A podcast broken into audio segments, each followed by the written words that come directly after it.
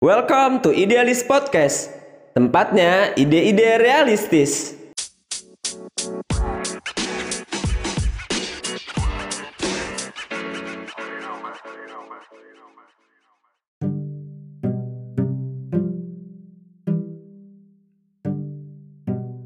Belakangan ini, startup mulai digandrungi oleh kaula muda karena dianggap cara baru dan mutakhir meningkatkan taraf ekonomi.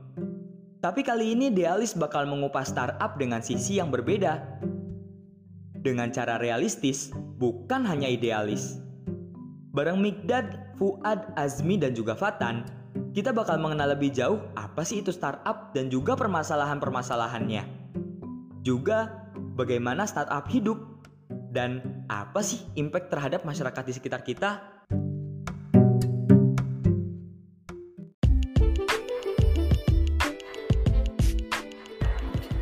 Oke, eh, Bismillahirrahmanirrahim. Assalamualaikum warahmatullahi wabarakatuh. Waalaikumsalam warahmatullahi wabarakatuh. Ya, apa kabar teman-teman semua? Rame, wih, suaranya rame dulu. Udah, udah, udah, udah. Udah jadi buat-buat. Jadi Jadi Nora, jadi Nora. siap. Ya, jadi eh, hari ini sesuai dengan eh, rencana kita, kita akan sedikit berdiskusi mengenai eh, sebuah topik ya. Mungkin buat teman-teman baru, tapi saya coba mengantarkan topik ini menjadi sebuah hal yang lebih familiar. Jadi nanti coba saya kasih eh, pengertian dasarnya, definisi dasarnya, dan mungkin diskusi dari teman-teman juga. Gimana sih sebenarnya eh, topik ini berlangsung kayak gitu. Nah, jadi topik yang akan saya bawakan hari ini adalah dark side of the startup era. Ada yang tahu startup? Gak sih. Oh, gitu.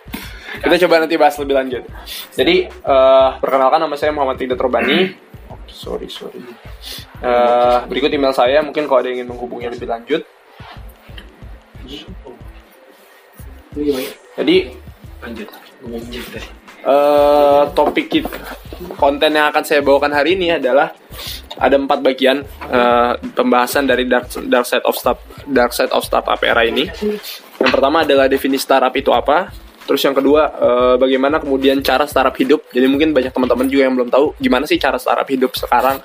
Kenapa mereka terus bakar uang itu dan bagaimana mereka mendapatkan keuntungan dari situ. Terus juga nanti masalah bisnis apa yang muncul dari startup dan sekarang mulai muncul sebenarnya di di dunia ekonomi saat ini. Dan yang terakhir nanti social impact-nya gimana sih dari startup itu terhadap eh, masyarakat kita saat ini. Nah mungkin kita mulai aja di bab pertama. Itu kan saya kesel. Jadi pada poin pertama ini saya akan me- mendefinisikan lebih dulu sebenarnya startup itu apa sih, kayak gitu. Nah, ih, dia muncul sendiri. Nah, kan jadi ketahuan. Jadi sebenarnya menurut teman-teman startup itu apa? Ada yang punya usul, ada yang punya tanggapan? perusahaan gitu sih. Perusahaan kayak gimana? Hmm. Ya. Perusahaan, pokoknya perusahaan. Contoh, contohnya apa? Ya kayak Gojek gitu nah kan. Kayak perusahaan-perusahaan model baru gitu lah yang baru muncul. Gojek. Oke. Ya, Oke, ya benar. Ada lagi mau memberikan tanggapan startup itu apa? Biasanya saya membantu anda Gimana Fuad? Gimana? Budi polemik Kalau menurut gue sih startup itu kayak perusahaan yang baru berkembang dengan basis digitalisasi Hmm, Oke. Mempermudah kegiatan produksi dan urusan-urusan teknis perusahaan lah Hmm, Dengan tidak cara konvensional Oke, ya cukup cukup eh, deep dan cukup dalam dan banyak poin-poin yang sudah disentuh. Tapi coba saya membantu teman-teman dengan beberapa kok kebalik. Eh, saya, saya coba saya membantu teman-teman dengan beberapa pertanyaan berikut. Yang pertama adalah, oke, kayaknya HDMI-nya agak-agak error. Yang pertama adalah menurut teman-teman kira-kira pendiri startup itu orang kayak gimana? Apakah dia yang terpelajar atau tidak? Kenapa? Nggak kerekam. Penuh kameranya. Memori, ini memori eksternal. Oh. Ya, dari dari- Gak apa-apa sih rekamnya. Hmm. Kira-kira menurut teman-teman eh bagaimana sih tingkat pendidikan dari para pelaku startup atau pendirinya? Pasti terpelajar sih Oh gitu. Terpelajar Oke, jadi contohnya siapa? Kalau yang teman-teman kenal? ya ini lihat ya Pak Menteri itu Oh, Pak Menteri Pendidikan ya, Pak Nadiem Makarim. Pak Menteri tapi Mas Nadiem. nggak- Mas Nadim. Nadim, Bang Nadim, eh. Ahi Nadim. Allah. kami nih emang ya. Iya, jadi kalau dari sisi pendidikan ternyata memang startup ini punya mayoritas eh, pendirinya itu orang-orang terpelajar. Tapi ya nggak harus nggak harus luar negeri juga sih. Misalnya kayak ngeliat Pak Nadiem Makarim, Mas Nadiem Makarim ya kan, beliau adalah lulusan Harvard, eh, which is itu salah satu universitas terkeren di dunia lah ya gitu. Tapi ada juga misalnya eh, Mas Ahmad Zaki ya kan, dia lulusan ITB kan, ITB kalau nggak salah di mana ya ITB maksudnya masih Indonesia gitu dan mungkin banyak pendiri-pendiri startup lain yang mungkin juga nggak mesti harus keluar negeri gitu. Jadi kalau misalnya Fuad mau jadi pendiri startup bisa-bisa aja gitu. Nggak ada syaratnya harus punya S1 di luar negeri nggak ada gitu. Tapi memang biasanya diisi oleh orang-orang terpelajar. Kenapa? Karena memang ide-ide startup itu sesuatu yang beda ya kan. Ide-idenya tadi mungkin sudah diungkapkan juga adalah ide-ide yang mencoba menyelesaikan masalah-masalah yang ada dengan cara-cara yang tidak biasa. Kayak gitu. Makanya biasanya diisi dan orang-orang terpelajar gitu tapi bukan berarti hanya orang terpelajar yang bisa melakukan itu gitu. jadi intinya adalah kenapa terpelajar mayoritas orang terpelajar karena orang-orang terpelajar yang bisa mendefinisikan masalah itu dengan cara yang lebih baik kan. Menyelesaikannya dengan cara-cara yang tidak biasa. Nah pertanyaan kedua adalah kira-kira startup itu kecil atau besar? Secara jenis usaha mayoritas startup itu kecil atau besar mayoritas ya Hmm. mayoritas ya besar cuman ya ada juga yang kecil nggak, nggak dia nggak bisa menyesuaikan dengan kerja disrupsi itu menarik menarik ada lagi tanggapan lain Besar. Ternyata Anda semua salah. Yeay, tujuan saya memang membuat Anda semua salah. Jadi memang mungkin kita bisa melihat beberapa startup yang sudah besar. Gojek, Tokopedia, Bukalapak. apa gitu Sesuatu dikatakan startup karena dia kecil. Startup dia baru mulai. Mulai. Memang ada beberapa startup yang sudah besar, tapi sebenarnya dia bukan 100% startup lagi karena dia sudah cukup besar itu. Tapi mayoritas startup, kalau teman-teman punya kenalan, saya punya beberapa teman kenalan yang bekerja di startup. Satu kantor dia isinya cuma 10 orang, 15 orang. Definisi definisinya nah, saya lupa definisinya yang ada di BPS. Sebuah perusahaan dikatakan dikatakan besar ketika dia sudah punya 100 atau bahkan 1000 karyawan itu. Di sini karyawan berarti Iya, di sini usahanya kecil secara jumlah karyawan ya. Dan juga mungkin asetnya nggak besar juga. Kita tahu mayoritas usaha-usahanya kan komputer berbasis Digital. digital ya kan. Yang asetnya mungkin ah, secara aset nggak besar itu, tapi kekayaan intelektualnya yang mahal ya kan di situ kan. Bagaimana ya kayak Gojek, basically orang ngebuat web ngebuat aplikasi kan eh, terlepas dari soal eh, security dan lain-lain ya ngebuat aplikasi akan lebih murah daripada ngebuat gedung ya kan. Akhirnya apa ya Dep? lebih murah daripada membeli peralatan-peralatan kalau kita buat pabrik gitu. Artinya apa? Pekerjaan-pekerjaan startup mayoritas justru diisi oleh usaha-usaha kecil itu, baik secara asetnya maupun secara eh, jumlah karyawannya. Yang menariknya secara profit juga iya gitu. Banyak startup-startup tuh kecil profitnya atau bahkan negatif. Sportify juga rugi. Iya makanya gitu. Ada banyak startup-startup yang dia masih skalanya kecil gitu. Dan mayoritas startup, startup justru skalanya kecil. Karena memang mereka adalah usaha-usaha yang belum apa ya namanya ya, yang memang masih di tahap berkembang itu masih awal-awal aja gitu. Nanti kita akan melihat bagaimana proses mereka berkembang sehingga bisa menjadi sebuah usaha yang kemudian patut diperhitungkan ya meskipun kita tahu mereka sebenarnya skalanya kecil gitu di sini. Terakhir pertanyaan saya adalah apa tujuan dari startup? Tadi. Bukan itu bukan tujuan itu itu reason, reasonnya. apa ya? Kira-kira apa tujuan dari startup?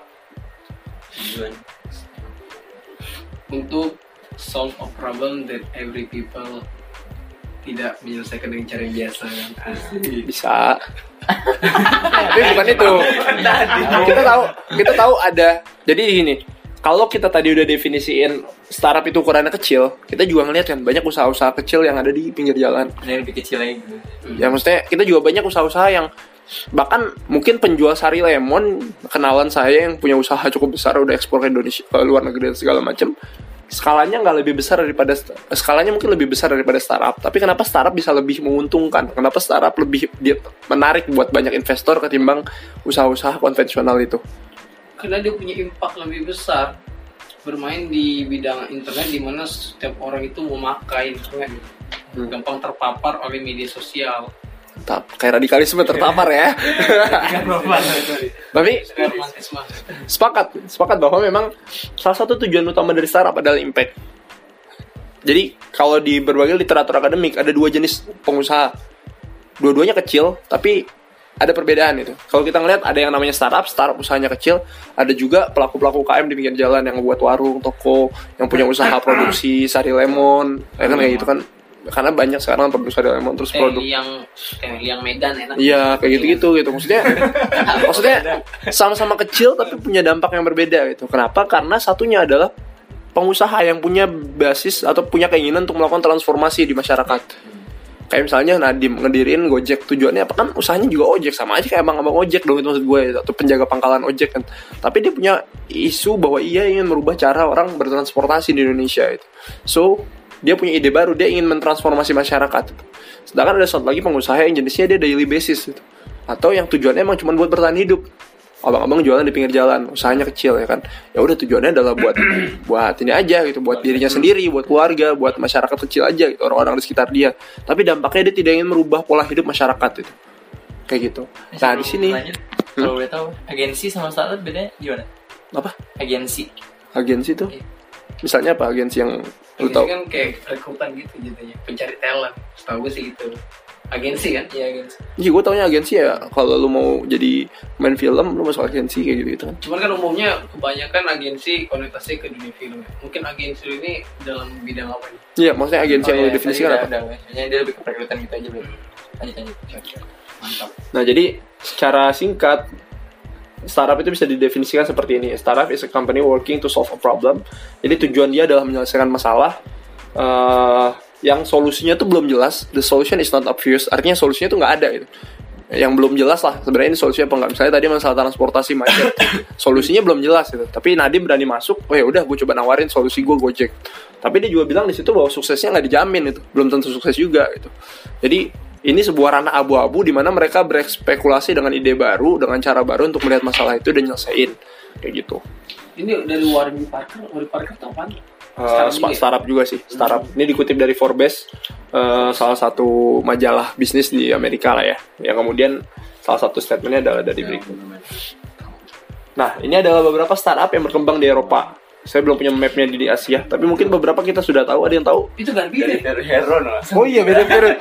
Kayak Garmi ya. tengah-tengah langsung ini Geloranya aja belum ada. Kira-kira ada yang tahu? Uh, ada yang bisa menyebutkan satu atau dua jenis startup yang mungkin teman-teman tahu? Di sini Tahu, tungfusnya apa? Kalau gua tahu ini Spotify ya, ini apa? Ovo itu yang Avas Avas, antivirus. Antivirus ya ini Avast. Dia ini berarti ada di Austria kalau nggak salah. Spotify ini ada di mana? Inggris. Swedia. Swedia, suka. Jadi dia bareng sama ini ya, PewDiePie, PewDiePie apa sih? PewDiePie. PewDiePie kan dari Swedia juga. Ibrahimovic juga dari situ. Ya dari Swedia. Siapa lagi ya? Sebutin aja. Kita berganti menjadi membahas Swedia di sini.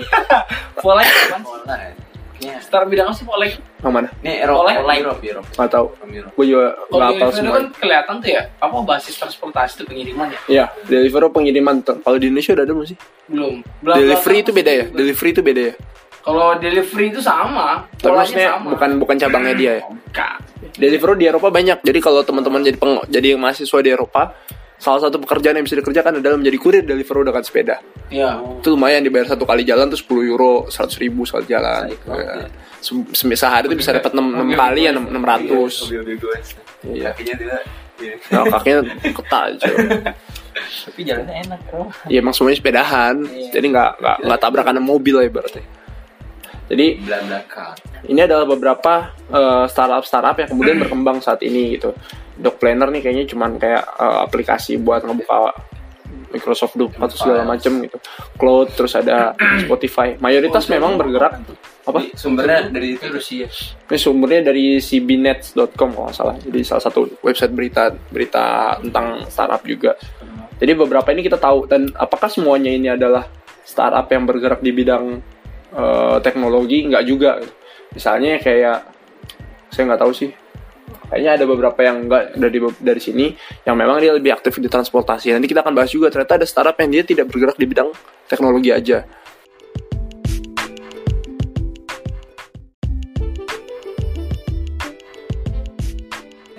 Nah, jadi kurang lebih itu gambaran mengenai uh, startup ya. Dia nggak cuma soal teknologi, itu ada banyak hal lain. Tapi memang biasanya mereka menggunakan teknologi untuk mendorong atau mempercepat uh, proses bisnis mereka kayak gitu. Apalagi sekarang kan kita memang masuk ke arah teknologi.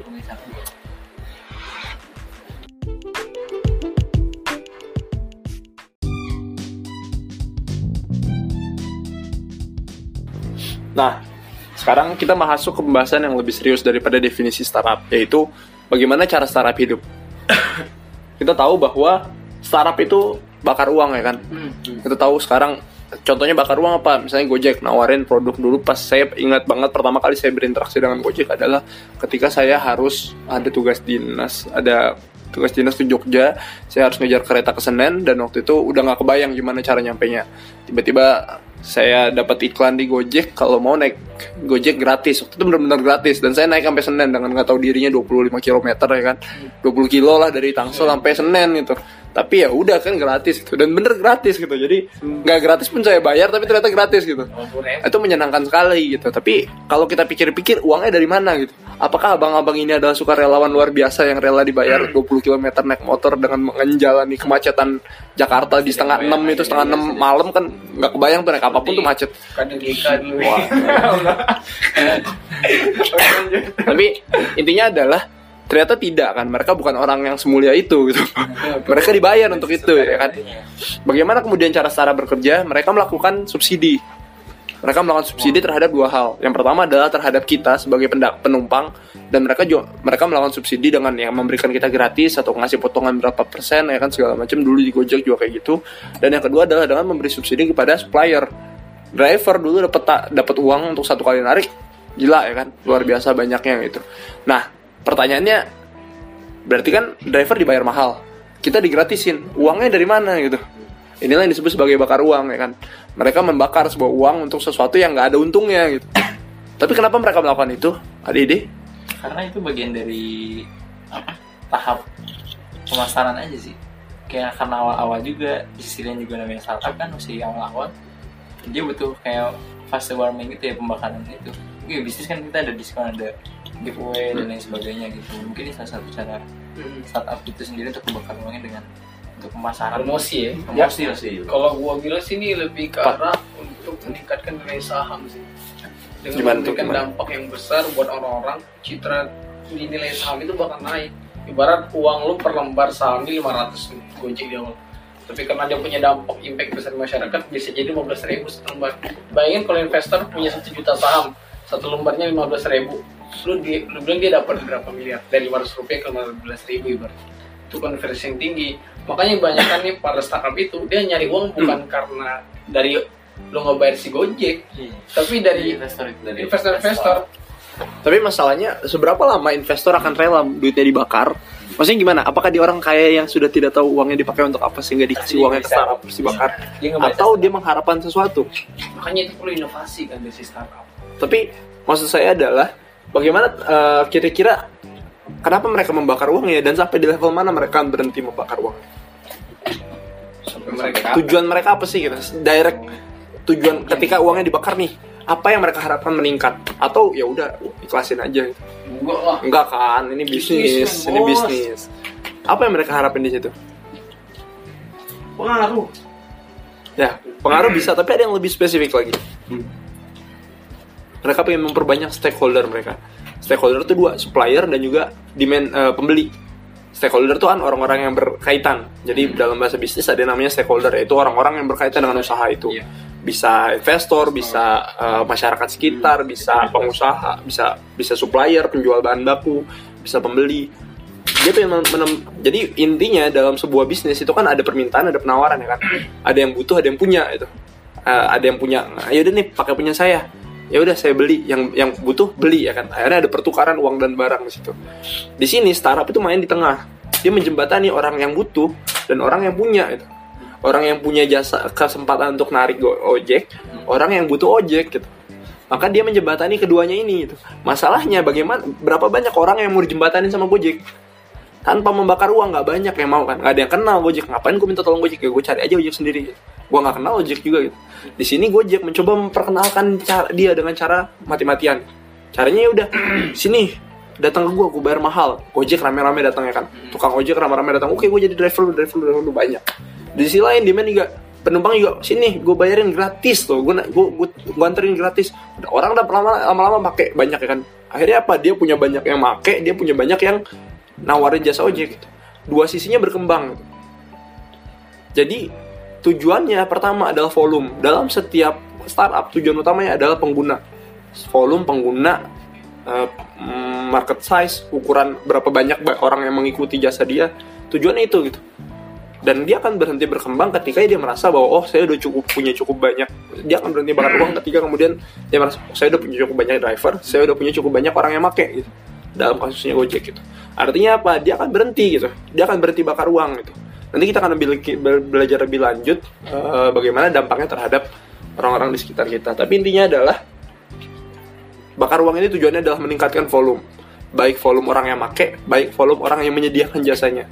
Itu juga terjadi di Spotify tujuan yang ngegratisin mempermudah semuanya yang yang yang menyediakan jasa musiknya pertama dibayar mahal sama dia jadi produser eh, rumah-rumah musik itu dibayar mahal. Yang make digratisin dikasih diskon dikasih apa segala macam sehingga banyak dulu yang make yang udah banyak make baru dikenain harga pelan-pelan dua-duanya. Jangan nah itu beda lagi. Bukan bajakan nah pertanyaannya siapa yang membiayai dia untuk bakar duit? Ada dua sumber pendanaan di startup. Ada yang pertama nam- namanya angel investor angel investor istilahnya kan angel ya malaikat kan. Jadi investor yang menjadi malaikat gitu. Biasanya ini orang yang mungkin memang sudah kebanyakan duit ya taruhlah Bill Gates Warren Buffett Steve Jobs kalau masih ada tapi udah nggak ada. Atau siapa pun lah yang kemudian punya kebanyakan uang gitu. yang uang ini memang akhirnya dia oh ya udah saya pengen berinvestasi. Ya ibaratnya uang ini tuh nggak ada uang ini juga gue makan besok itu loh. Gue makan gue naik jet besok gitu meskipun nggak ada uang ini. Ya uang ini udah dicoba sama dia disalurin ke ke startup startup gitu. biasanya startup startup eh, biasanya angel investor ini akan datang ngelihat oh ada startup bagus nih yaudah nih saya investasi. Cuman memang kele- kelemahannya angel investor adalah dia punya uang terbatas. Uangnya kecil namanya uang individu kan. Ya sekaya kayanya Warren Buffett nggak akan lebih kaya daripada Microsoft secara keseluruhan ya kan? Nggak akan lebih kaya daripada Amazon secara keseluruhan. Karena kan Amazon sebagai sebuah perusahaan itu jadi angel investor biasanya datang untuk menawarkan pembiayaan buat si startup di tahap-tahap awal usahanya. Jadi ketika dia baru nyusun proposal dan terus dia bilang saya punya proposal nih dia datangnya ke angel investor. Karena angel investor cuma butuh uh, cuman punya uang kecil itu dan mereka juga kayak nggak akan punya proses yang ribet. Oh selama lo punya jelas usaha jelas gue kasih deh. Yang kedua adalah yang kedua ya yaitu si nah, namanya adalah modal ventura atau venture capital kalau di bahasa Inggrisnya. Ini adalah sumber pendanaan utama dari startup. Jadi di sini mereka adalah semacam usaha yang kalau kamu ngeliat oh ini startup bagus nih. Ya udah gue investasiin duit gede-gedean tapi gue duduk di jajaran direksi lu kita kembangin usahanya bareng-bareng jadi dia adalah semacam eh, lembaga pembiayaan yang menawarkan uang investasi, tapi dia juga harus masuk ke dalam jajaran direksinya untuk memastikan duit dia nggak hilang dong, gitu maksudnya. gitu. Rolling ya. Iya. Nah, biasanya dia skalanya lebih besar ya, karena sebagai sebuah perusahaan uangnya banyak ya kan. Dan sebenarnya dia nggak berdiri sendiri. Jadi modal Ventura itu adalah sebuah organisasi di tengah yang dia ngumpulin banyak uang dari investor-investor lain dikumpulin jadi satu. Dia yang melakukan due diligence atau menilai mana sih startup yang bagus. Oh, gue invest ke sana nih, duit orang-orang dialin ke sini nih, dialin ke sini, dialin ke sini dan segala macam.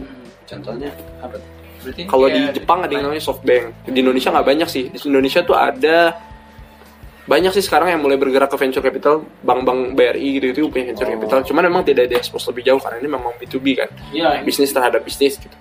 Tapi sebenarnya ada gitu. Eh, nanti kita akan bahas beberapa beberapa nama yang mungkin akan muncul seiring berjalannya waktu. Nah, beda dengan angel investor, venture capital biasanya ma- masuk di tahap-tahap yang agak ke tengah karena uang mereka gede dan mereka punya concern terhadap startup yang kemungkinan gagalnya kecil. Mereka pasti nggak mau masuk di awal. Karena kalau masuk di awal ya pasti resikonya gede dong. Ini belum terbukti gitu. Terus gue ngasih duit gede, bah, hancur dong gitu maksudnya. Yang masuk di awal biasanya angel investor, di tengah-tengah nanti venture capital masuk pelan-pelan. Tapi kalau perusahaan kayak punya Sandiaga tuh yang Saratoga tuh yang dia ngidupin perusahaan kecil terus dibawa. Ya sebenarnya konsepnya mirip dengan venture capital, tapi gue nggak tahu apakah nama dia venture capital atau tidak. Tapi cara kerjanya mirip menurut gue. Berarti polanya agak seperti investor sama venture capital ya. Iya, Dia mendanai ini, tapi dia sekaligus mengembangin. iya. gitu. Setelah itu dijual lagi sama dia. Lagi kan. Emang ciri-ciri venture capital kayak gitu. Jadi dia ngembangin sampai udah besar dia lepas. Nah ini yang kemudian kita bahas dalam tahapannya. Jadi ada beberapa tahap. Yang pertama adalah seed financing. Seed financing adalah tahap di awal di mana ya gue baru ngusul ide, gue butuh duit nih buat nunjukin kalau ide gue bisa jalan. Iya. Paling nggak gue buat prototype di tempat kecil. Misalnya gue pengen buat ojek ya, paling nggak gue buat di Depok dulu ya kan kota kecil, nggak segede Jakarta atau segede Bandung atau se Indonesia. Gojek buat tapi gue butuh duit nih ya kan buat ngebuat aplikasinya buat ngebiayain gratisin orang-orang dulu gitu jadi seed financing tuh tahap kayak gue baru mau ngebuktiin ide gue gitu dan biasanya dia udah, udah butuh uang makanya dia datang ke angel investor atau di sini pakai duit pribadi biasanya di beberapa di beberapa literatur itu tahap awal. Ketika kemudian prototipenya udah bisa jalan, contohnya eksperimennya udah jalan, dia akan datang ke venture capital bilang, gue mau nyalurin, gue butuh duit lebih banyak lagi. Masuknya ke stage A, stage B, financing dan seterusnya. Gitu. Jadi stage A itu berarti tahap pertama setelah seed financing, di prototipenya udah bisa jalan, dia mau scale up nih ke skala yang lebih besar, tapi gue butuh duit lebih banyak gitu. Ini udah bisa jalan nih, udah gue buktiin. Gitu. Tapi gue butuh duit lebih banyak kalau mau naikin skalanya sejakarta misalnya. Dia datang ke venture capital. Ini tahap ini adalah tahap masuk ke venture capital nih biasanya. Mereka datang minta duit gede, nanti gue buktiin lu akan dapat bagian keuntungan dari situ. Lu akan dapat saham dari punya gue. Kayak gitu. Nah, nah bagaimana kemudian di sini kan tadi angel investor masuk di sini sta- apa namanya venture capital masuk di sini kebanyakan. Nanti bagaimana mereka mendapatkan keuntungan cara keuntungannya adalah dengan melakukan exit dari perusahaan tersebut. Jadi mirip dengan Saratoga ketika perusahaannya udah besar saham mereka awalnya kan cuma seribu. Tau-tau kan berkembang usahanya kan gede untungnya banyak tek tek tek nilai sahamnya kan jadi gede. Jual. Jadi pas dijual udah 100 ribu misalnya kan untung berkali-kali lipat ya kan. Atau dijual 20 ribu sahamnya satu lembar. Padahal tadinya dinilai seribu rupiah. investasi dia cuma satu juta misalnya. Tapi pas lagi set- setelah berjalan tiga tahun tahu-tahu jadi ya, nilai nilai perusahaan itu 200 juta. 200 bagi satu kan 200 kali lipat lebih gede ya kan. Tadinya satu juta, tahu-tahu setelah tiga tahun berjalan nilai valuasi eh, nilai omsetnya dia se- sebulan tuh berapa pendapatan dia sebulan berapa dan segala macam. Kalau di total ternyata bisa nilainya bisa 200 juta gitu perusahaan ini. Pas dia buka ke saham pas mau exit dia nawarin ke orang lain mau nggak lu beli saham gua? Jadi si venture capital bilang ke perusahaan lain mau nggak lu punya saham di startup gua nih? Startup gua punya omset 200 juta dulu dia ngasih satu juta sekarang dia punya 200 juta gitu. Akhirnya dia jual 200 juta dia dapat duit balik gitu. Makanya itu disebut sebagai exit strategi Nah, exit itu ada berapa cara? Yang pertama adalah dengan melakukan IPO atau jual saham. Jadi tadi Gojek, eh, jangan Gojek ya, Uber misalnya dulu ya. Uber tuh dia punya saham, nggak dia dia financing bla bla bla ada venture capital masuk mau biayain gue kasih duitnya gue kasih ini gue kasih ini tek tek. Usahanya berkembang dong tek. Di satu titik udah kita exit. Kita akan jual sahamnya ke pasar. Masuk ke bursa efek. Jadi sahamnya sekarang bukan hanya diperdagangkan di antara venture capital aja tapi mereka diperdagangkannya di pasar saham jadi semua orang bisa beli makanya ini disebut sebagai initial public offering Kalau di Indonesia tuh TBK Hmm. nah. ya jadi terbuka jadi perusahaan terbuka karena memang TBK kayak. Iya, dia bisa eh, sahamnya bisa dibeli masyarakat. Nah, pas lagi dibeli ke masyarakat, si venture capital kan punya saham juga kan tadi kan udah investasi di awal kan. Dan saham dia udah naik. Sahamnya ini dilepas di harga yang udah naik itu gitu. Dilepas ke masyarakat juga gitu. Sehingga apa? Pasar eh, pasar atau masyarakat beli sahamnya, si venture capital kan jadi dapat duit kan. Oh, gue dapat duit nih. Ya udah akhirnya gue untung dong gitu. Tadi tadinya gue invest 1 juta, setelah gue jual gue dapat 200 juta untung. Gitu. Jadi eh IPO adalah gue kayak lagi sel ini MLM ya. jadi orang jadi IPO eh, ini adalah salah satu cara terbaik dari investor kita untuk keluar dari eh, sebuah perusahaan yang udah dibiayain sama kayak Saratoga tadi gitu jadi masih kecil dibiayain dibiayain didukung tuh udah gede dilepas sama dia dengan cara sahamnya dijual ke pasar Yang ngelepas tuh Sartoganya. ya Sebagai- Saratoga kan akan ngelepas Nah, terus yang kedua adalah merger and acquisition. Jadi, kalaupun dia nggak bisa IPO, dia akan nawarin si venture capital nih, aduh, ini kayaknya udah mentok nih. Misalnya tadinya satu juta, sekarang nilai sahamnya 60 juta. Tapi kayaknya kalau dilepas ke pasar nggak nggak ada yang mau beli nih. Kita akhirnya lepasnya ke perusahaan lain. Jadi, oh ini perusahaan Gojek nih, kita lepas kita tawarin ke Bluebird misalnya, mau nggak lu beli saham gua? Sehingga nanti Bluebird jadi punya lu gitu. Jadi merger and acquisition itu instead of kita jual kita jual ke pasar dan dia jadi perusahaan terbuka, dia malah jadi perusahaan milik perusahaan lain. Iya. Jadi ada dua exit. Yang pertama adalah dia nawarin ke publik jadi perusahaan terbuka, jadi PT. Atau yang kedua adalah dia dengan menawarkan jadi perusahaan ke perusahaan lain sehingga dia jadi anak perusahaan yang perusahaan lain. Kayak gitu. Sama kayak perusahaan gua, FedEx. Hmm. Kan gua kan sekarang perusahaan gua merger nih, TNT, FedEx. Sama-sama perusahaan transportasi. TNT ini memang lagi dalam kondisi yang di mana nggak bisa IPO tadi, IPO secara internasional dibeli sama FedEx. Hmm. Akhirnya aset Nah, TNT, iya. Jadi punya branding FedEx. TNT menjadi branding FedEx. Ya kayak gitu.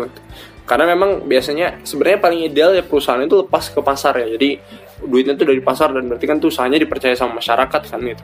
Tapi kadang nggak semua perusahaan dipercaya sama pasar itu atau masyarakat. Makanya kemudian dia udah gue jual ke perusahaan tertentu aja. Tapi bukannya, sorry nih, kalau gue salah lagi nih. Hmm? Kalau misalnya jual ke pasar kan berarti secara nggak langsung kan lu membiarkan perusahaan bisa dioposisi orang selain dari diri lu kan.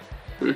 kalau biar strategi gimana caranya si pendiri ini yang mendirikan perusahaan dari nol sampai capek-capek ibaratnya kan udah sampai bagusan gitu tetap mempertahankan posisinya gimana gitu apakah dia Nah. membatasi penjualan sahamnya Ya, jadi itu terjadi pada Mark Zuckerberg. Mark Zuckerberg sekarang masih CEO Facebook ya kan.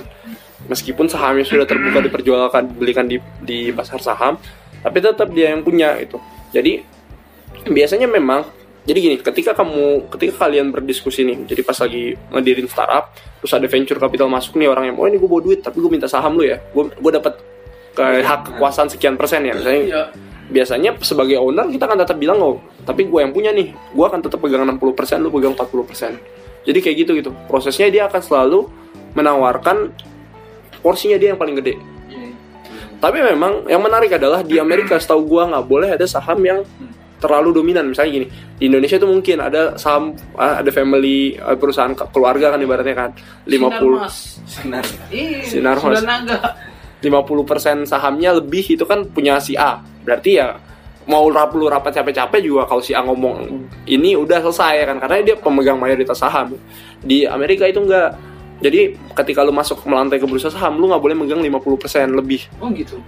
Tapi tetap Zuckerberg megang 30%. Iya. Sisanya 70% nya dibagi-bagi ke banyak orang Iya, ya kan. benar. Sehingga dominannya tetap dia gitu. Kecuali ada kesepakatan dari semuanya bahwa dia anti Zuckerberg. Tapi biasanya Zuckerberg Iya, juga akan akan tetap punya temen yang oh dia megang saham terus CS-an gitu. Iya. Jadi kayak gitu-gitu gitu. Tapi memang biasanya para owner akan tetap memaintain eh, milik mereka ya kayak gitu. Hak mereka sehingga kemudian mereka tetap bisa punya proporsi kekuasaan dalam saham dalam perusahaan tersebut dan sebenarnya tidak hanya dari perspektif pemegang si pemilik aja, tapi orang-orang investor pun venture capital nih misalnya si Saratoga datang beli perusahaan lu gitu, dia nggak akan mau lu nya pergi gitu. Lu sebagai yang punya, misalnya gue punya perusahaan aqua nih, Saratoga datang, gue beli saham lu, tapi lu pergi nggak bakal gitu, pasti gue beli saham lu, tapi lu tetap di situ. Karena gue yang bawa idenya gitu, lu harus bertanggung jawab gitu, jangan sampai gue beli saham lu terus lu pergi lah. Gimana lu bertanggung lu bertanggung jawab ini bisnis ngurus, bagus. iya. Malah biasanya dalam kontrak-kontrak venture capital, salah satu syaratnya adalah CEO harus tetap ada di situ. Jadi orang yang mendirikan itu harus tetap ada di situ gitu, karena dia lu yang tahu ini bisnis mau ke mana ke depannya kan lu yang ngusulin. Gitu. Kalau lu malah kabur ya, gue nggak tahu nih buat apa lagi gitu. Karena yang dibeli sama venture capital bukan hanya bisnis startupnya, tapi ide dan ide melekat pada orangnya gitu. Jadi yang dibeli sama dia itu sama bukan cuma ini aja tapi human resource-nya juga gitu. Jadi sering kali banyak juga akuisisi misalnya kemarin terjadi akuisisi si Google terhadap suatu perusahaan teknologi gue lupa gitu. Gue lupa. Ke TPI contohnya. Ya, mereka tidak hanya membeli, kan? mungkin membeli brandnya, tapi tidak hanya itu. Oke, Mas. eh TPI. Nggak, nggak. Google tuh beli salah satu cabangnya uh, Apple. Tapi yang dia beli sebenarnya bukan brandnya, yang dia beli orang-orangnya. Jadi dengan dia beli perusahaan itu, orang-orangnya lari ke dia semua kan. Gitu. Iya, jadi orang-orang kreatif itu jadi staffnya Google gitu. Jadi kayak gitu-gitu gitu. Jadi mindsetnya itu tidak hanya orang tuh aset loh. Kalian itu aset sebenarnya gitu. Ketika kalian punya kelebihan luar biasa, orang tuh ngeliat oh gue pengen akuisisi dia, oh, tapi dia ada di bawah perusahaan itu ya udah kita akuisisi perusahaannya biar kita dapat orang-orangnya, biar kita dapat idenya, biar kita dapat cara kerjanya. Nah itu yang kemudian banyak terjadi gitu. Dan ya tadi justru malah banyak perusahaan-perusahaan venture capital atau pembiayaan yang kalau lu ngakuisisi ngakuisisi atau ngambil sebuah perusahaan malah lu harus tetap ada di situ gitu karena gue butuh lu gitu gitu jadi itu juga yang menarik adalah ternyata kalau ada seribu usaha ini seed financing maksudnya ada seribu usaha masuk yang kemudian berujung pada su- kesuksesan di akhir itu hanya ada satu persen jadi dari 100 orang cuma ada satu yang mungkin berhasil di sini dia bilang hanya satu persen company, da- 10 company dari 1000 company yang dia menjadi unicorn. Jadi perusahaan yang skalanya besar. Jadi rate kegagalan itu adalah 99 persen gitu. Jadi mereka berjudi sekali gitu. Dia bilang di sini dari 1000 orang, 7 dari 1000 perusahaan, seed company itu maksudnya startup company, Hmm. 70% tuh dead, dead, mati atau self sustain, berusaha untuk bertahan hidup sendiri, tapi udah gak jelas hidupnya. Satu persen dia berhasil jadi unicorn, jadi dari 1000 cuma ada 10. Kalau di kasusnya 2009, 2009 10 tuh ada Slack, Uber, sama Airbnb. Ini salah satu yang berhasil, satu tiga dari 10-nya. 32 persen, eh, sorry, 32 persen itu dia berhasil keluar, jadi venture capital bilang ya udahlah, untung gue cuma 50 mili, 50 juta dolar, gue keluar deh, kayak gitu. Tapi investasi mereka mungkin lebih daripada itu gitu. Iya benar. terus rugi ya? eh, makanya sebenarnya masih rugi jatuhnya 23% itu keluar di 100 me- 100 juta 19% keluar 200 juta 10% keluar di 500 juta dan cuma 5% keluar dari satu billion ya. Jadi cuman cuman cuman sedikit gitu ibaratnya. Tingkat kesuksesan itu kecil itu. Nah, itu kan eh, berarti kan dari satu kan ini ada seribu. Nah itu mereka secara umum faktor yang menjadikan dia gagal itu di karena apa gitu? banyak sih. Sebenarnya saya tidak membahas lebih lanjut terkait itu. Tapi banyak banyak banyak sekali gagal. Eh, dan gimana ya sangat sangat beragam gue pernah belajar eh, misalnya salah satu yang ngebuat gagal itu Inovasi nggak benar. Nah apakah apakah memang karena keterbatasan dia nggak apa kalah saing kreatifnya kah atau misalkan karena ada faktor Jadi gini, men- salah satu yang kita pikirkan dari startup tadi yang kita diskusikan di awal startup adalah sebuah perusahaan yang mencoba menyelesaikan masalah di mana solusinya itu tidak jelas dan keuntungannya tidak bisa dijamin ya kan. Yang menarik apa? Ka- lima- 20% atau saya lupa berapa persen. Mayorit eh, faktor paling besar yang membuat usaha startup itu gagal adalah ternyata masyarakat ternyata pasar tidak butuh itu. oh iya sih. Jadi mereka menawarkan solusi nih, wow kayaknya keren itu. Tapi masa pasar nggak butuh itu. Akhirnya apa nggak ada yang beli, nggak laku, gagal. Itu hal paling paling utama itu. Jadi yang paling pertama itu justru market dan itu. Jadi market nggak butuh itu, tapi kita so tahu gitu. Jadi kayak itu Iya. butuh. Dan itu banyak paling terjadi. Iya. gitu. Terus yang kedua juga mereka tidak bisa mengimplementasikan ide mereka gitu di tataran masyarakat. Jadi tadi kan eh, perhitungan antara bakar uang dan juga men- eh, kapan kita harus ber- berhenti bakar uang itu kan tantangan ya kan. Ibaratnya gini, kita ngelihat dari perspektif investor. Saya investor, saya ngelihat gue kasih duit ke Azmi, Azmi bakar duit gue gitu kan kayak ikhlas gak sih lu gitu. Berat dong gitu. Sebenarnya itu kalau dipikir-pikir buat investor tuh berat loh ngelihat uang tuh dibakar. Dan pasti investor akan buat mi lu boleh bakar duit gua tapi lu harus ngasilin berapa. Selalu seperti itu. Banyak startup yang gagal karena tidak bisa mencapai target-target tersebut. Jadi gua kasih duitnya gua kasih syarat besok setahun lu harus sudah kayak gini. Kemarin gue nonton kasus nggak gue tampilin di sini tapi gue nonton sebuah kasus namanya gue lupa nama perusahaannya apa tapi dia adalah sebuah perusahaan yang nyediain vending machine buat makanan di Singapura jadi dia dikasih duit sama investor tak nih lu diriin uh, vending machine buat buat makanan jadi makanan tuh nanti keluar dari vending machine terus nanti ya udah bayarnya kayak gitu. Kayak itu di zaman zaman 2012 2012 targetnya dari si pemi- si investor lu gua kasih duit segini besok tahun depan udah ada 10 titik ya. Ternyata ngejar 10 titik berat banget gitu kenapa nyari tempatnya susah? Mastiin makanan jalan aja. Yang lima yang udah ada aja tuh kayak kadang mesinnya rusak segala macam gitu gitu akhirnya apa? Nggak tercapai dan akhirnya gagal. Jadi meskipun mereka punya ide mereka punya konsep masyarakat juga kadang butuh tapi ternyata pas mau diimplementasiin target-targetnya tuh susah untuk tercapai gitu. sehingga ibaratnya ya tadi gue ngeliat Azmi bakar duit gue gue udah keburu geram dulu terus kayak udah kita cancel lah nggak jadi banyak yang kayak gitu gitu. Jadi bukan karena usahanya nggak prospek kadang-kadang juga karena investornya nggak kuat gitu. Dan kita nggak bisa mengatur waktu juga gitu. Ini tidak hanya soal bisnis dan uang gitu. Ini soal psikologi juga gitu. Gimana lu ngelihat investor lu kuat melihat lu membakar uang tapi bisa nunjukin kalau lu ada performance gimana lu bisa mencapai target gitu. Gimana target lu tuh reliable dan segala macam itu benar-benar banyak lah faktor-faktornya gitu. Jadi itu yang membuat kemudian sedikit yang berhasil sukses itu apalagi untuk nyampe level 1 billion. Berarti dia akan membakar uang berkali-kali dan berkali-kali meyakinkan investornya bahwa it's okay it's okay it's okay it's okay. Tapi mereka percaya gitu bukan dan percaya ini kan bukan investor kan bukan orang bodoh kan maksud gue gitu. Pasti mereka juga lu buktikan dengan berbagai oh gue bisa nyampe ini kok. Kalau nggak kecapai lu bisa ngeles oh gue bisa nyampe ini tapi yang lain nih dan segala macam sehingga trust dari investor itu percaya dan akhirnya lu bisa tumbuh gitu. Tapi tidak hanya itu ya memang karena perusahaan lu juga tumbuh gitu. Jangan sampai cuma bullshit. Nanti kita akan bahas ternyata ada juga kasus di mana eh, omongan itu ternyata tidak sejalan dengan realita kayak gitu. Nah inilah. Dengan kasus Ya, gimana? Rolex gitu? Rolex kenapa Rolex kan kalau secara harfiah kan memang pasarnya yang orang-orang kaya kan. Tapi secara nggak langsung kan targetan mereka kan kalau gue lihat ya Rolex tidak mencapai apa tidak fokus kepada target seberapa besar dijual gitu. Mungkin ada lain hal gitu yang ngebuat Rolex sampai sekarang bisa bertahan.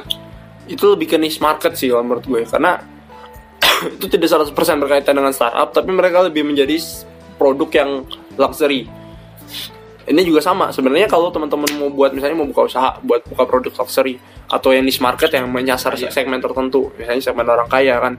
Segmen orang kaya itu lu nggak butuh jualan banyak. Lu butuh jualan dikit tapi harganya mahal. Ya kan? Segmen orang kayak gitu. Rolex justru yang membuat apa atau jam-jam mahal yang ngebuat dia bagus adalah karena limited edition itu tapi ya marginnya pasti gila juga lah. Ya cuman pre, pre- produk 10 masa untungnya cuman seribu ya? Berarti untung gue seratus ribu. Pasti untungnya miliaran Iya benar sih. tapi ya gitu gitu. Cuman memang akhirnya karena itu adalah luxury luxury things kita akan butuh banyak modal. Karena kan kita ngebuat produk yang emang nilainya mahal gitu. Dan kalau salah dikit ya ini resikonya juga gede gitu. Tapi sekali untung ya untungnya gede gitu. Dan mereka nggak perlu pasar yang ribet-ribet ya namanya cuma dikit kan gitu kan pasti kalau emang itu bagus banyak yang mau kayak gitu. Tapi kebanyakan juga perusahaan tuh salah satu untuk mencapai tingkat tertentu dalam level tadi tuh ya. 10 unicorn teratas kebanyakan dari mereka bukan sekedar menjamin pasar butuh mereka. Jadi mungkin ada beberapa produk yang di mana pasar nggak butuh mereka tapi mereka akan tetap pakai. Yang di mana yang dia pakai itu pendekatan secara apa sih heart to heart gitu. Kayak contoh deh lu antara Grab sama Gojek misalnya jadi satu sisi kalau gue pribadi gue bilang ah gue lebih milih Gojek lah karena gue sudah terbiasa. Jadi ada keterikatan kayak pendekatan emosional seakan-akan gue lebih prefer Gojek walaupun di Grab ada promo. Di Gojek ternyata mahal. Nah di situ terkadang yang kebanyakan perusahaan lupa bahwasanya pendekatan emosional itu penting.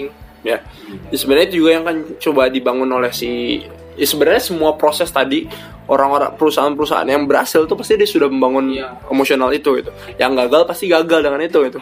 Jadi ya salah satu cakupannya juga sisi emosional pasti di dalam tingkat salah satu faktor yang membuat dia jadi sukses gitu oh gue bilang itu inti penting bisnis lu Ya. nggak mesti jual produk dulu nih tapi gimana caranya orang itu ingin beli produk lu walaupun ini nggak penting Paham nggak sih maksud gue? Ya, gua- Pendekatan emosional ya gue sepakat intinya buat itu.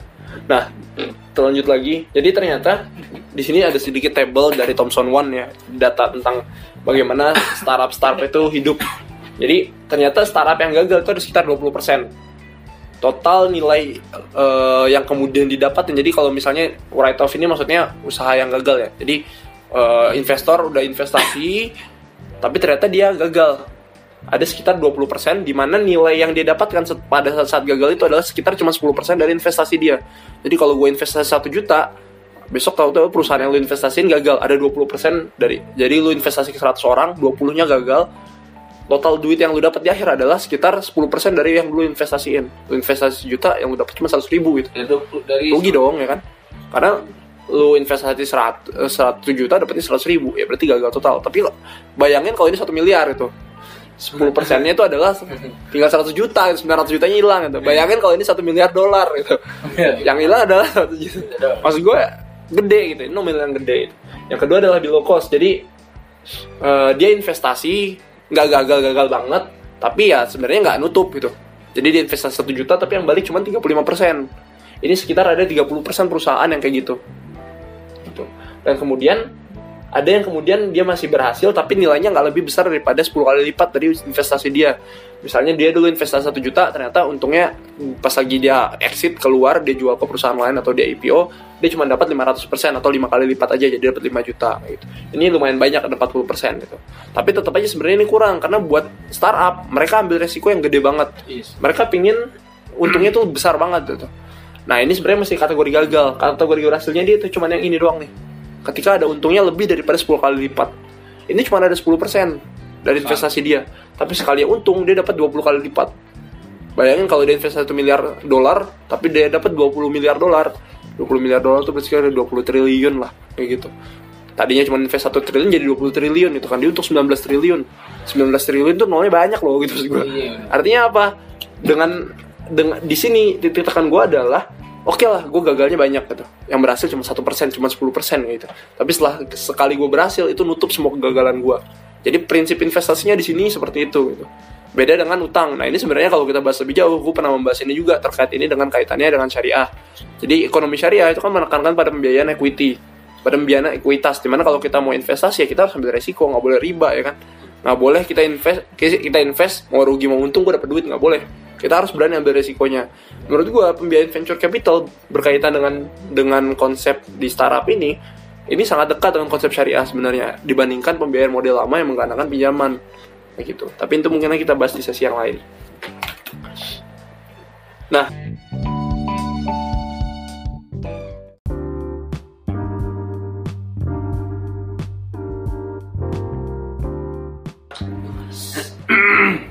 kita masuk ke part yang ketiga ini mungkin agak cepat aja jadi di sini eh, saya ingin membahas sebelum kita masuk ke masalah bisnis yang ada di startup. Kalau kita lihat ekonomi di dunia itu sebenarnya mengalami masa-masa krisis berkali-kali. Dan krisisnya karena konyol. Misalnya kita mulai dari krisis tahun 2000 ini tahunnya 2000 2002. Jadi 2000 2002 itu ada krisis di dunia. Namanya krisis.com. Ada yang tahu? Ada yang punya ide kenapa kenapa dia namanya krisis.com? Gue dulu pernah denger nih, pernah baca artikel itu. Apa? Apa sih? Ini krisis bodoh banget seumur umur.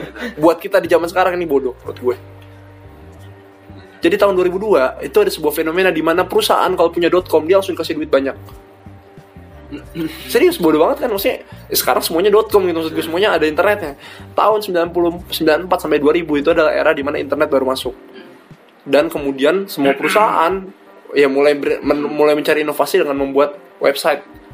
Dan dulu sesimpel kalau lu punya .com, jadi ada beberapa perusahaan taruhlah kayak Yahoo, terus juga kayak gue lupa perusahaan apa lagi.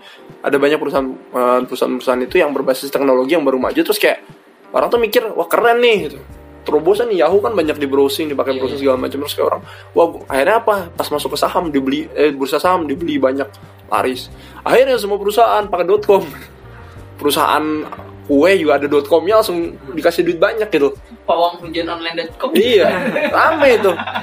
Karena ada .com-nya gitu dan banyak orang belum tahu gitu. Akhirnya semua orang berpikir kalau ada .com itu pasti bagus. Akhirnya semua orang invest di sana. Dan akhirnya apa? Ya, semua orang mikir kalau ada .com itu pasti bagus dan pas lagi di pas tapi kan website kan tidak meningkatkan apa pun sebenarnya kan maksud gue. Ya mungkin orang jadi tahu tapi nggak langsung beli juga kan gitu. Akhirnya apa? Banyak usaha-usaha yang udah diinvest banyak tapi ternyata kok nggak untung gitu. Mungkin zaman itu kan lagi primadona primadona. Iya, iya. Makanya di kasus ini adalah kasus di mana disebut sebagai dot-com bubble. Jadi o- nilai-nilai di pasar tuh jadi seakan-akan tinggi ketika lu punya .com gitu. Ada bubble, ada gelembung yang sebenarnya itu nggak ada. Itu ketika pecah ternyata duitnya kosong gitu. Gelembung kan gitu. Gede, tek pas dipecah kosong ternyata nggak ada apa-apa gitu. Di sini disebut sebagai .com bubble karena di tahun ini orang-orang ngeliat perusahaan .com tuh keren-keren tapi sebenarnya pas udah diisi duit banyak ternyata, ternyata dalamnya nggak ada apa-apa, nggak ada untungnya gitu. Kayak Jokowi juga. Ya gitulah. Citra Bisa, bisa. Oke, sorry, sorry. siap siap nggak apa apa nggak apa apa gue juga bebas ya.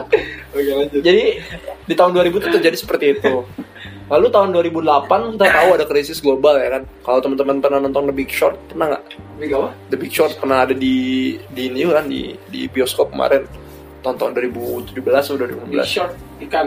film The Big Short namanya Oh, itu film tentang kasus krisis 2008 jadi kasus 2008 itu gini dalam ilmu ekonomi kita tahu bahwa ada satu barang yang sifatnya inelastis.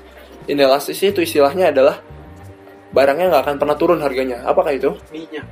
bukan minyak bisa turun. Minyak kan turun sekarang. Oh, apa yang hari senin harga naik?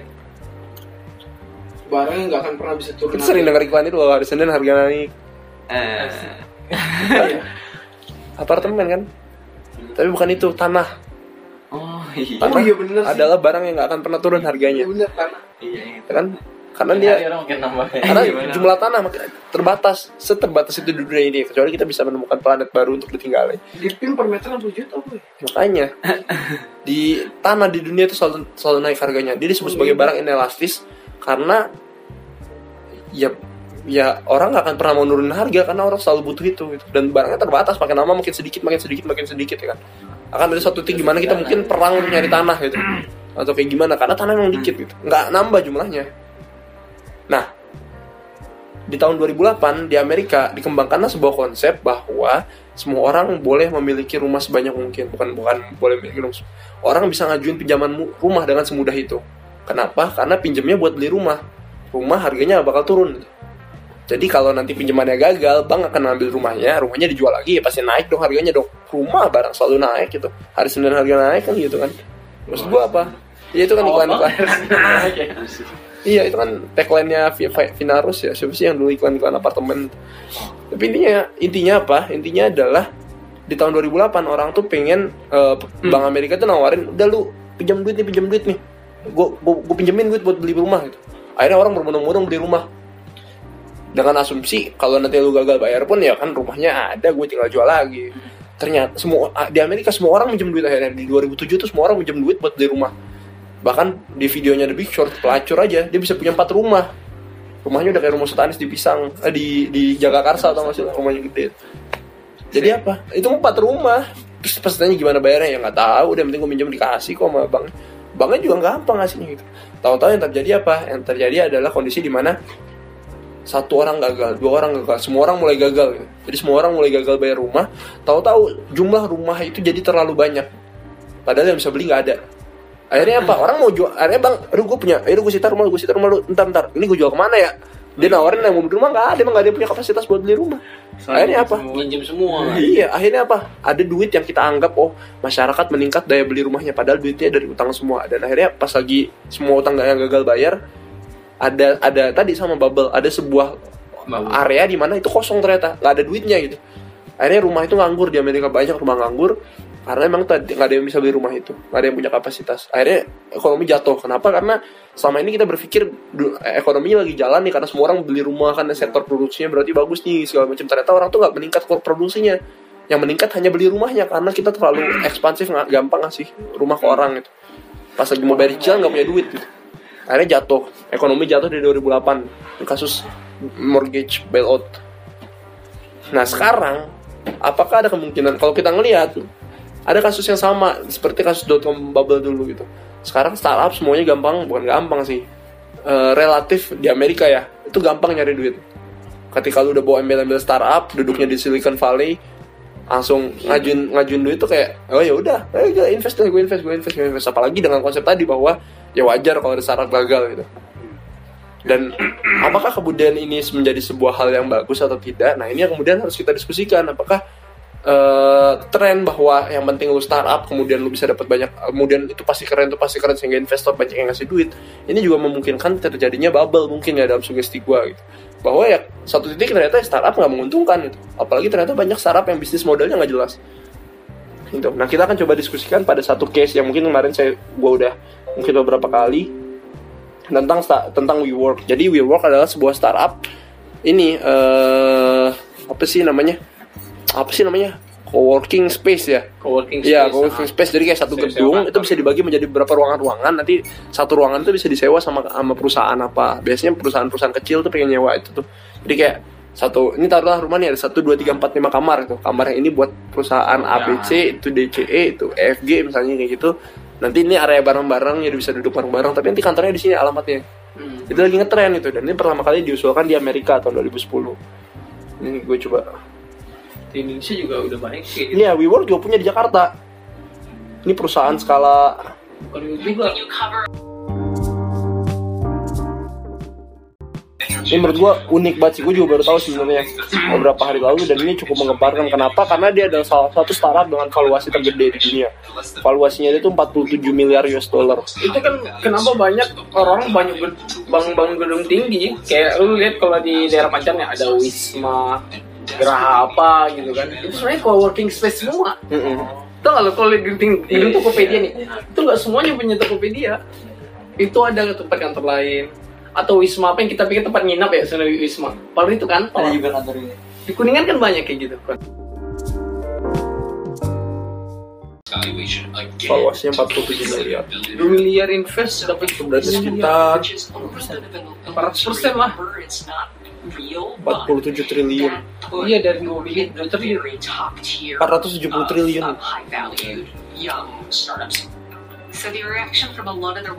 Nah, yang menarik di sini. Jadi dia kan dia kan real estate company kan sebenarnya kan, tapi startup konsepnya. Jadi di saat yang sama real estate konvensionalnya tuh kayak hah?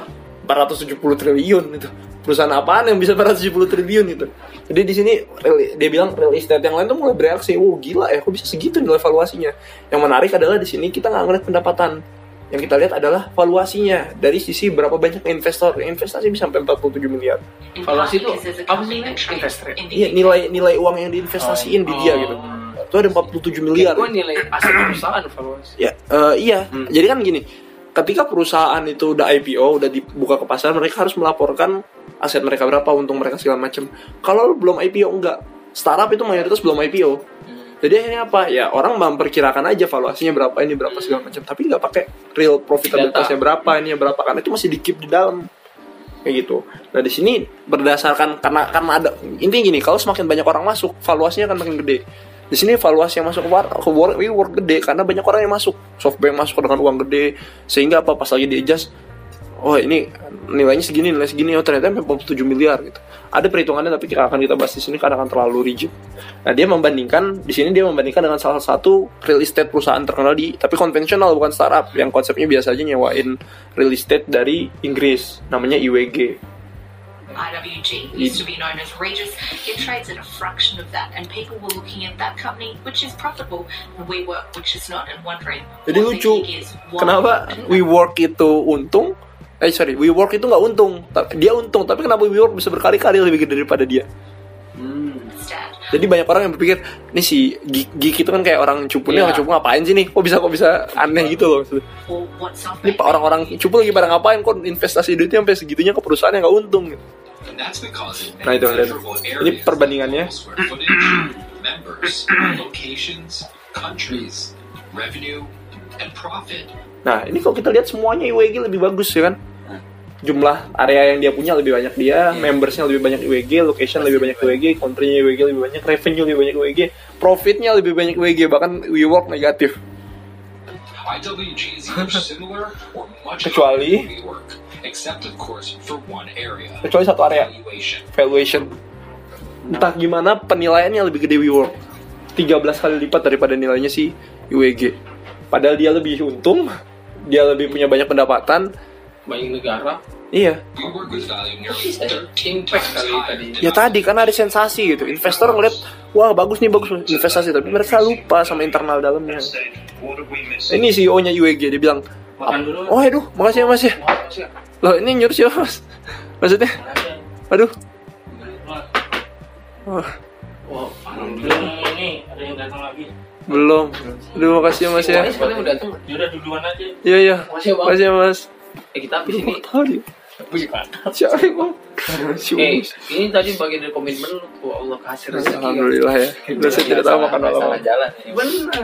Oh, kita balik Eh, dulu. bang, tapi sorry kalau gue jalan nih. Kita lanjut sampai habis ya, atau kita sholat Sholat dulu aja.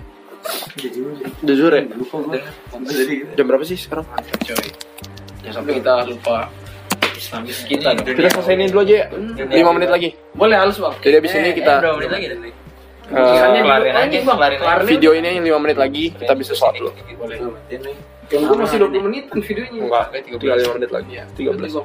Jadi ini CEO-nya IWG dia nanya Tuh kan kita semuanya bagus, apa yang salah sama kita sih gitu? Saya ngerti gak sih kayak lu WeWork sama IWG Terus kayak missing. IWG-nya tuh kayak Iya, apa yang kita lewatin nih? Kok kita valuasinya lebih kecil 13 kali lipat padahal kita untung dia rugi loh. Ini Artis bingung. gitu ya, kasih doang. Iya, makanya. Apa ada sesuatu yang tidak kita lakukan? Gak penting banget. Apa ada sesuatu yang belum kita lakukan ya? Tapi tapi nggak pernah nemuin. After getting these investments from SoftBank and licensed to spend quickly, that's just what WeWork did. Opening more and more offices around banyak the world, kantor. making investments in a variety of different countries, and even opening an elementary sekolah dasar, in. New York City. Sekolah yang legend CSR-nya itu kan, WeWork. spent Tapi itu dianggap ceroboh. Dia ngebuat kolam ombak di, di- jadi dia investasi buat ngebuat kolam ombak gitu. Padahal dia masih startup gitu. Ya, kayak gini nih. Iya, iya, iya. Superfoods led by a guy that Adam met while he was surfing. Ini CEO-nya malah main selancar kayak gitu. Startup Oh, ini pembakaran uang banget ya. Iya, parah. Jadi saat Anda melihat startup di real estate yang dia berinvestasi di kolam ombak dalam ruangan dan dia. dan sekolah anak-anak gitu. Apa sih ada yang salah? But just how wrong wouldn't be fully realized until WeWork announced in Dan itu nggak August diketahuin sampai WeWork mau nawarin sahamnya ke pasar. Seperti yang gue bilang tadi, kalau dia belum IPO, nggak akan nggak akan ada yang tahu dalamnya. Tapi pas lu mau jual ke pasar, lu harus ceritakan internetnya gimana jual. Baru ketahuan semua. You know, on my way. Ini pegawai semua ya? Pegawai Dia orangnya Bloomberg kayaknya. Outside, and there was a small line, and just a couple lines about how Adam Newman, the CEO, he had personally purchased the trademark to the word "we." Coba. Jadi dia jualan, dia jualan soal We. Jadi dia, kan namanya WeWork. Dia ngelelang, dia mematenkan nama We gitu. We itu punya Adam gitu. WeWork make. Jadi WeWork harus bayar si CEO-nya gitu. Kesel gak sih lu? Kayak lu mau menciptakan sebuah perusahaan terus lu bilang Wih itu punya gua jadi perusahaan harus bayar ke lu gitu Pokoknya Wii itu Besar. dari kata kami. Oh, Iya maksudnya kata brand Wii-nya itu punya Adam gitu. Adam kan CEO. WeWork itu sendiri gitu. Jadi kayak dia bilang, "Hey WeWork lu pakai punya gua." Padahal kan dia ngedirin juga kesel kesel. Jadi perusahaan tuh harus bayar ke dia 5,9 juta dolar hanya karena Hanya Wii. Back iya karena dia pakai Wii dan Wii itu punya Adam gitu kan kesel gitu. Jadi di sini jadi tuh kayak ngerampok perusahaannya sendiri gitu. Ngerampok para investor gitu. seemed to find opportunities to enrich themselves Ya, shareholders and the. Tapi ya Iya. curang lah. Morotin sama WeWork lost 690 million dollars, bringing its total losses to Total almost kerugian 3 miliar ya, years. Dan itu ketahuan. Baru ketahuan kemarin pas mau IPO. Ya kan dia mencatat tiga kerugian 3 miliar dolar terus kayak, "Hah, ini yang 47 miliar itu." Gitu. Iya kayak potentially even as low as 10 million. And all these Langsung things jatuh harganya, raised jatuh. a few red flags. Um, just started, it kind of added fuel to the fire of this discussion of is this company ready to go public? It, it just doesn't feel like it has the controls in place that you would expect of a public company that needs to protect the value for shareholders. On September 17th, WeWork officially pushed back its Akhirnya nggak jadi mau nawarin ke pasar. Jadi dia mau dalam ke pasar ketahuan ada bobroknya, langsung dia bilang, "Ah jadi dulu deh, nanti dulu gitu." Oh, udah bener. Karena tiba-tiba harga nilai valuasi perusahaannya jatuh ya tadi. Oh. Tadi kan dia mau jual saham 47 US dollar, itu 47 mil- eh, miliar misalnya. Dibagi sama jumlah saham yang beredar, misalnya kan banyak kan itu kan. Misalnya berarti dibagi 1 juta saham misalnya. Berarti kan setiap saham kan 47 dibagi sama 1 misalnya 47 ya 47 ribu misalnya kan. Dikali 1 juta kan 47 miliar. Tiba-tiba jatuh jadi 8 miliar. Berarti 8 jadi cuman sekitar 8 ribu doang gitu per lembar saham. Tadinya 47 ribu. Bayangin jatuhnya berapa kan? Kayak sekitar 5, 5 kali seperlimanya atau berapa kalinya gitu. Akhirnya akhirnya mereka nggak jadi IPO, nggak jadi nawarin saham ya. Kalau gue nawarin saham sekarang cuma 8 juta dong rugi. Investasi para perusahaan dia aja kan si si Softbank udah naruh berapa 10 juta 15 juta. Tahu-tahu cuma jadi 8 juta ya rugi dong. Itu jatuhnya karena apa tadi? Si Ya karena ternyata rugi Karena selama ini. nggak- nggak- nggak Jadi ngecek. valuasinya kan kita anggap dia 47 ju- miliar. Ternyata dia ruginya aja 3 miliar, nggak untung gitu. Dan valuasi 47 M itu dari mana gitu? Akhirnya banyak orang-orang enggak dia nggak 47 M. Yang- Ma- ma- ma- ma- pasar tuh mengejas bahwa oh enggak dia di bawah 10 M. Dia 5 M. dan rugi dia itu karena apa sih? Apa? Rugi dia karena apa sih si Wukit? Ya, ya bayangin lu ngedi- nge- nyewa sebuah kantor di di 245 titik di dunia, terus lu ngebayarin ininya gitu. Ruginya adalah karena dia tidak sesuai, tidak menyesuaikan harga yang ditawarin ke orang yang nyewa sama biaya sewanya gitu. Dia kan juga nyewa barang, nyewa tempat, tempatnya didesain sama dia. Terus dia dia sewain murah gitu. Iya. Akhirnya apa? Gapnya nggak cocok gitu. Lah dia juga ngebuat TK, ngebuat SD, which is itu kan bukan core-nya dia kan.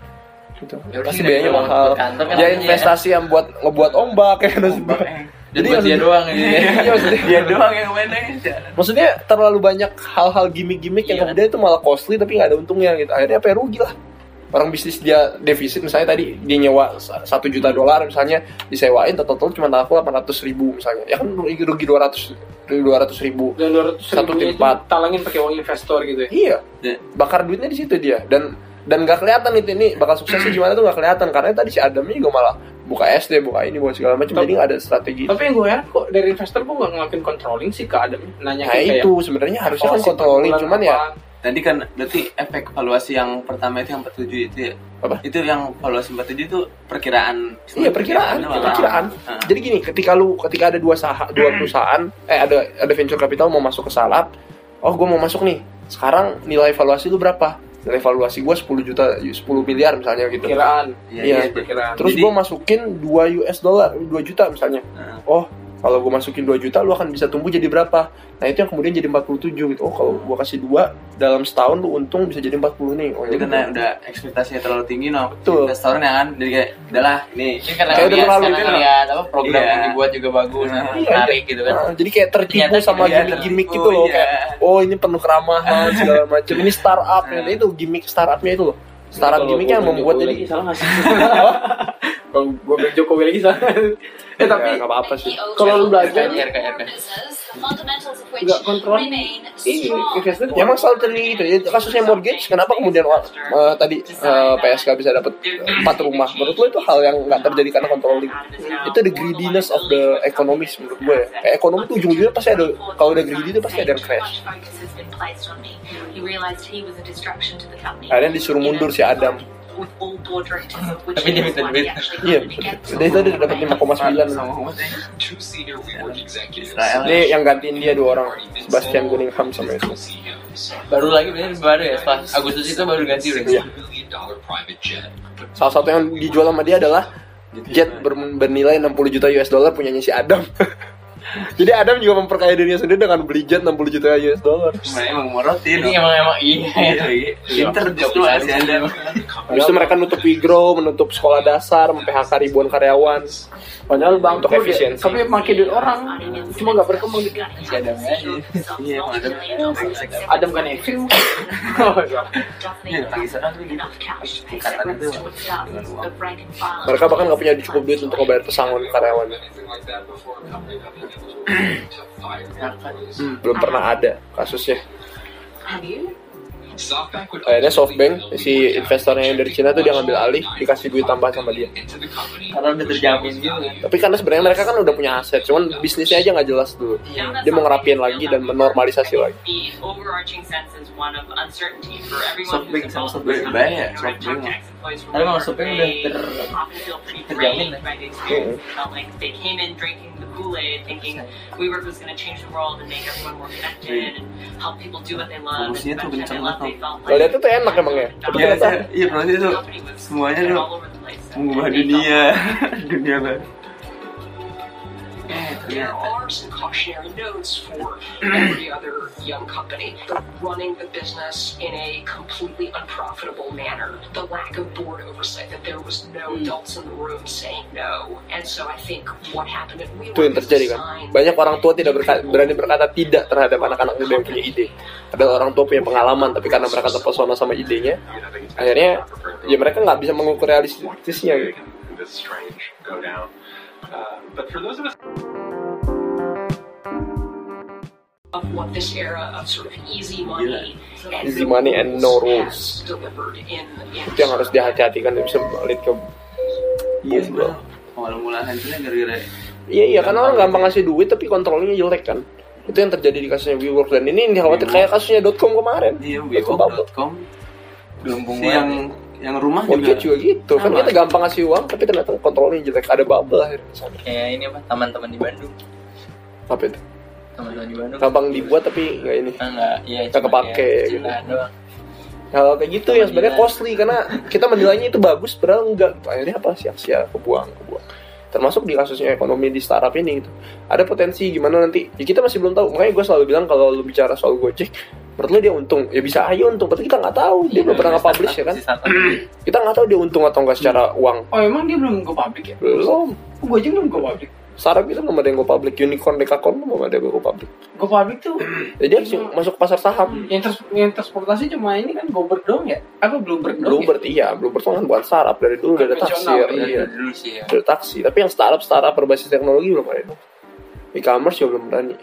Apa kemarin mungkin Bukalapak mau buka mau masuk pasar startup eh, mau masuk IPO tapi dia nggak berani kan. Mungkin dia udah udah udah mencet mencetin karyawan buat efisiensi kan tujuannya kan biar eh, tapi ya belum Iya, belum berani juga. Tapi itu kayak seleksi seleksinya iya gitu ya? itu menurut gue itu akan jadi pembuktian itu. Iya. dan ada juga satu artikel lain IPO adalah momen paling menegangkan dan paling sinematik lah di, bagi para Iya, di situ ya. Iya karena Ya, masyarakat akan menilai secara objektif ternyata lu bagus atau enggak gitu. Semua informasi lu terbuka ya kan? Orang jadi bisa ngeliat selama ini orang kan taunya startup keren keren keren tapi pas ngentek ternyata enggak gitu. Berarti gua akan lihat Iya, beberapa emang, kasus. iya Kayak ilusi banget buat anak muda tuh kan kayak Iya iya. hal yang menarik. Makanya kemudian kenapa materi ini gua angkat ya karena gua mikir ya kita harus punya perspektif juga. Sebenarnya bagus nggak sih startup? Ya it's a good thing gitu. They change our life. Dia ngasih solusi yang lebih baik tawaran lebih baik. Kayak kita bisa naik gojek dengan mudah ya kan? Kita bisa nyari makan dengan mudah. Tapi apakah itu jadi hal yang baik juga secara umum?